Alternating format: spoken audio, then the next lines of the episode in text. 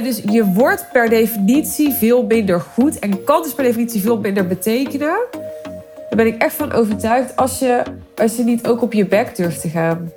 Dat hoort volgens mij bij iets masteren, toch? Ja, ik heb nog nooit een, een kind zien leren lopen zonder te vallen. Dat bestaat toch gewoon niet?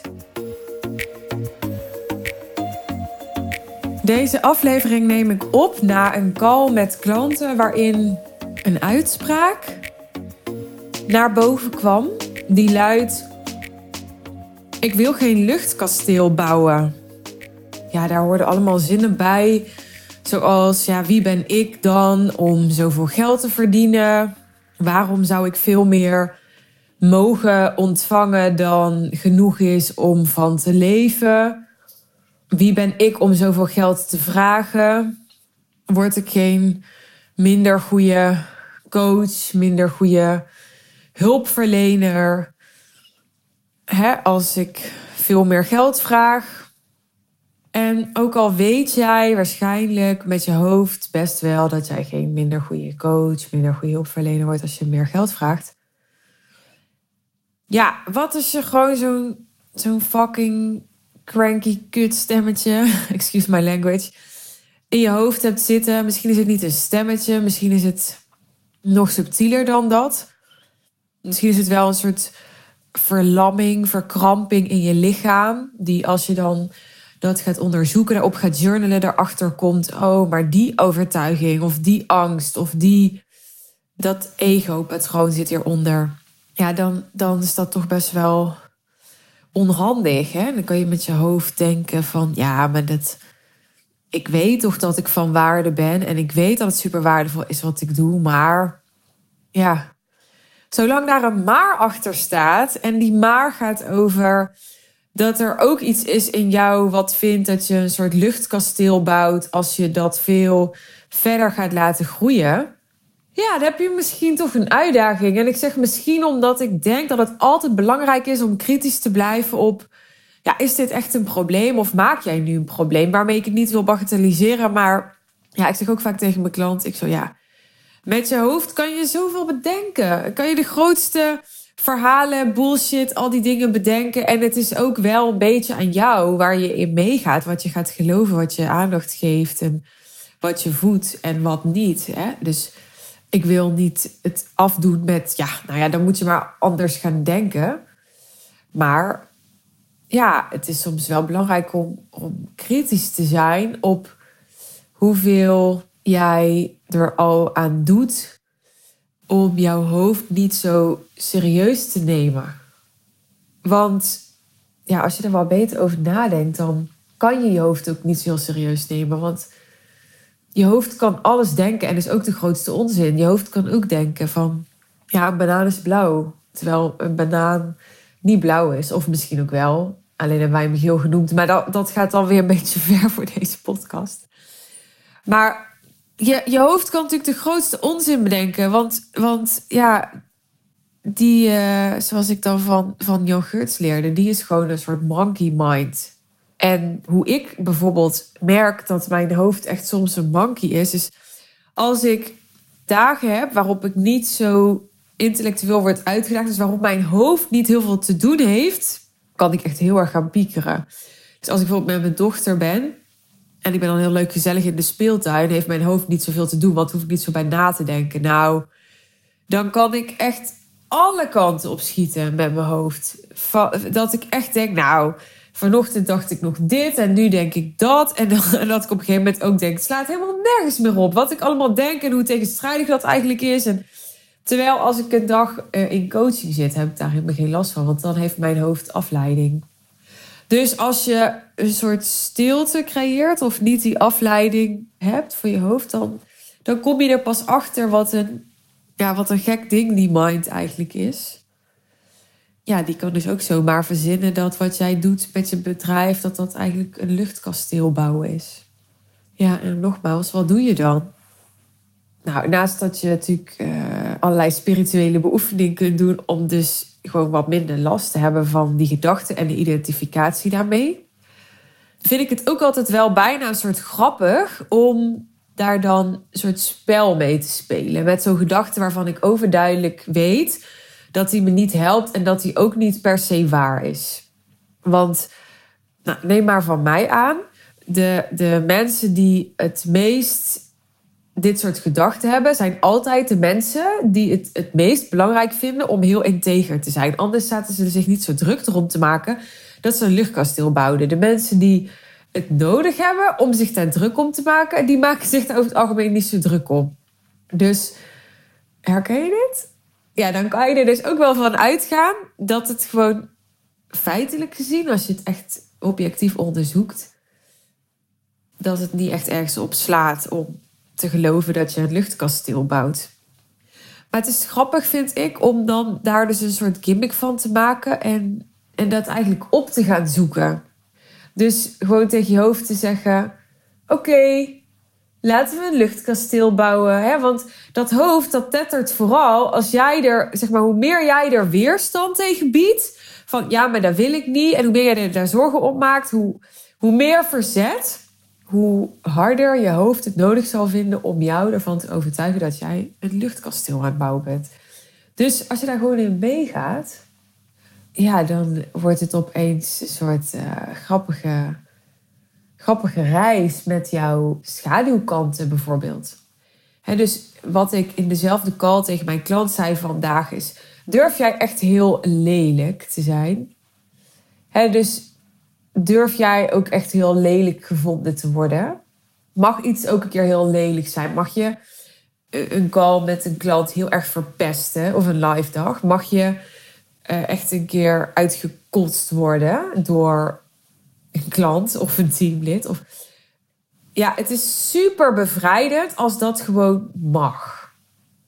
En dat past ook heel erg bij het meegaan in een luchtkasteel bouwen dus dan zeg je eigenlijk tegen je hoofd: Oké, laten we een luchtkasteel bouwen. Nou, hoe kunnen we dat doen? Oké, heel veel geld gaan vragen, wat voor mijn gevoel echt nergens op slaat.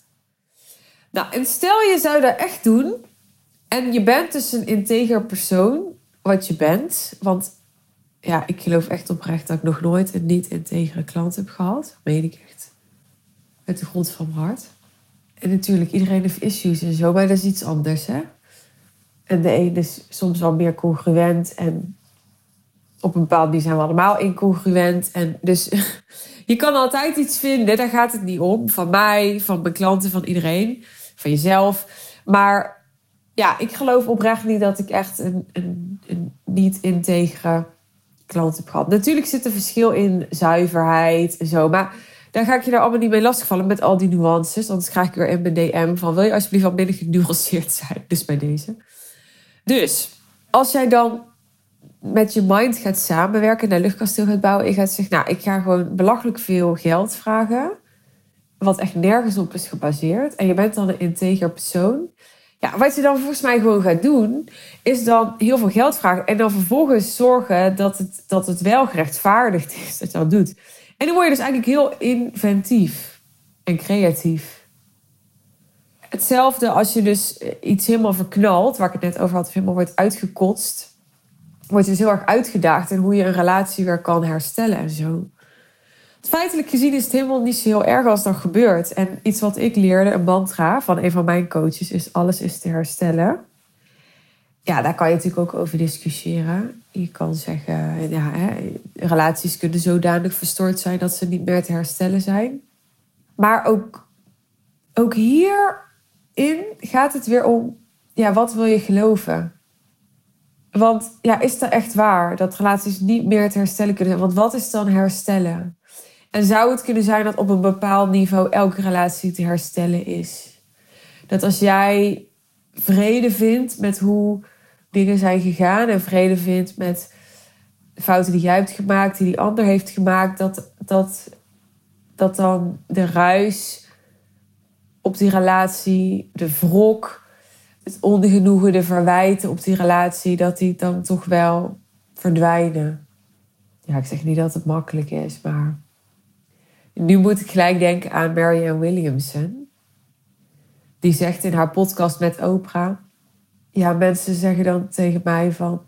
Ja, maar het is moeilijk om mensen die jou echt hele erge dingen hebben aangedaan om die dan te vergeven. En dan zegt zij, nou weet je wat pas moeilijk is? Om, om 24-7 rond te lopen met boosheid en frustratie en teleurstelling en allemaal ja, toxische gedachten. Nu ben ik misschien een beetje afgedwaald van het luchtkasteel, maar ja, ik geloof echt dat hier voor heel veel mensen een doorbraak zit. Het allemaal niet zo goed willen doen. Want in die end ben je daarmee echt veel meer dienend voor de wereld. Dat geloof ik echt om de simpele reden dat niemand ergens heel goed in kan worden zonder ook echt serieus op je bek te gaan. dus je wordt per definitie veel minder goed en kan dus per definitie veel minder betekenen. Daar ben ik echt van overtuigd als je, als je niet ook op je bek durft te gaan. Dat hoort volgens mij bij iets masteren, toch? Ja, ik heb nog nooit een, kind zien leren lopen zonder te vallen. Dat bestaat toch gewoon niet? Dus die shit, die mess en die, ja, die schaduwkanten, die mogen zoveel meer omarmd worden. En dat is natuurlijk ook wat er speelt op het moment dat jij bang bent dat je een luchtkasteel bouwt. Ja, dat is eigenlijk volgens mij de angst om gezien te worden als niet integer, niet congruent, niet skilled genoeg. Daar ben je bang voor, omdat je er heel erg een oordeel op hebt om dat te zijn. Maar wat als je, als je gewoon helemaal omarmt en accepteert dat je gewoon fucking incongruent bent? Dat je gewoon soms helemaal door de mand valt. We hebben allemaal imposter we zijn allemaal bang om door de mand te vallen. Maar ik denk, we vallen linksom of rechtsom. Hè, omdat je het te goed wil doen. Of juist omdat je te laconiek bent. Of omdat je te, te hard gaat of te langzaam. Of we vallen allemaal een keer door de mand. Hè, dus dat bedoel ik met het omarmen, het aankijken. Er helemaal oké mee zijn, het opzoeken. Omdat, weet je, je kan daar beter vrienden mee maken. Dan daarmee gaan vechten met die draak. Toch? Je kan er beter mee samenwerken dan er tegen gaan vechten. Want die samenwerking is toch veel constructiever. Die, die kost ook veel minder energie. Ik weet dat het moeilijk is. Ik weet dat het moeilijk is. Ik, ja, ik zei laatst nog tegen iemand van... Soms heb ik echt het gevoel dat ik de hele fucking wereld trigger. dan is een klant getriggerd door mij. En dan een andere klant. En dan is een, een, een leverancier getriggerd. En dan een teamlid. En dan... En ja, of het nou terecht is of onterecht. Hè, of ik nou dingen fout doe doe zo vaak dingen fout, hè, voor zover je over goed of fout kan praten. Of niet, het feit dat, dat iemand getriggerd wordt, gaat altijd over die ander. Hè, die trigger zit in die ander, die zit niet in mij. Ja, dat is soms echt dodelijk vermoeiend. En, en dan moet ik ook echt opletten dat ik niet ja, op eieren ga lopen. Omdat als ik dat in een week al drie keer heb gehad, dat ik dan denk, nou, nu is me. Hè, nu zit ik aan mijn triggertax. is een leuk woord, hè, triggertax dus nu ga ik maar een beetje op eieren lopen. Want ehm, nee, dan, dan probeer ik juist heel erg in het reinen te komen met... Oké, ik ben niemand die mensen triggert. En daarmee wil ik niet zeggen dat het een gegeven is, dat het fixed is. Dat ik dan dus maar als soort hè, olifant door een porseleinkast kan gaan. Want het maakt toch niet uit, want mensen zijn toch wel door me getriggerd. Dat is niet wat ik bedoel. Maar ik bedoel, ik kan er, ik kan er tegen gaan vechten. Of ik kan, het, ik kan ermee samenwerken door het als het ware te onderzoeken en te zeggen: Oké, als mensen door mij getriggerd zijn, hè, wat, en ik zie dat als soort gegeven, wat kan ik daar dan mee? Of wat betekent dat? Of zo. Op het moment dat, dat ik het de hand geef, is er veel meer ruimte om, om ook te kijken naar de lessen die daarin zitten voor mij, juist. Dan op het moment dat ik, dat ik dus niet wil accepteren dat het zo is of dat ik het wil wegrationaliseren als in van... Ja, nee, maar ja, ehm, van alles kan ik daarbij bedenken. Ik kan bedenken dat het, dat het hoort bij, bij de fase waar ik in zit met mijn business... of bij de, de, de, de bekendheid of de following die ik heb... of misschien wel hoe uitgesproken ik ben. Of van alles kan ik ervan maken. Ik kan ook juist denken dat het niet hoort.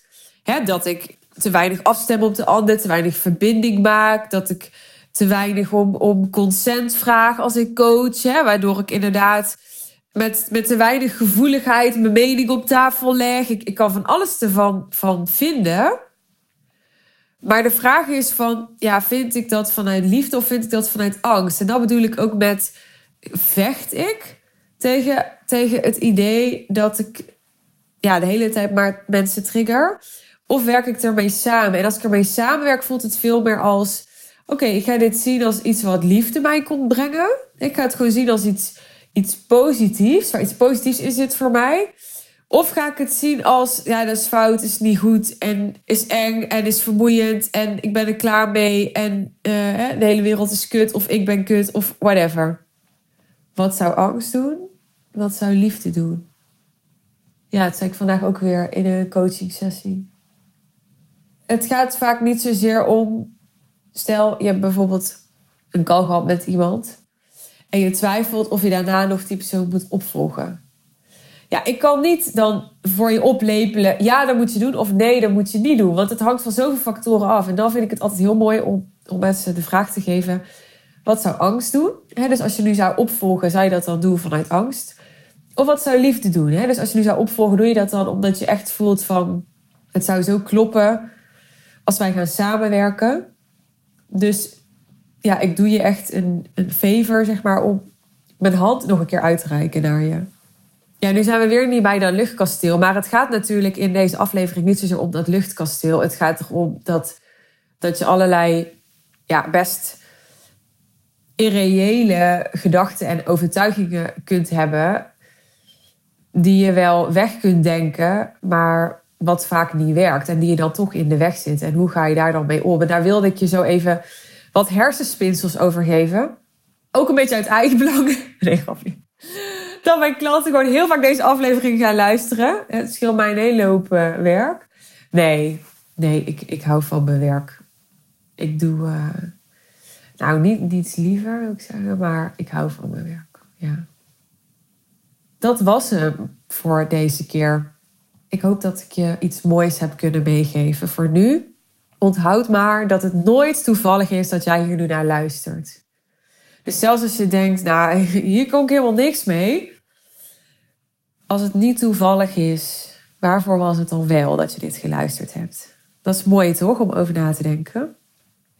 Nou, wil je meer van dit en dan helemaal toegespitst op jou en op wat jij nodig hebt, dan is het natuurlijk zaak om persoonlijk met mij te gaan werken. Wil je het daarover hebben met ons? Dat kan.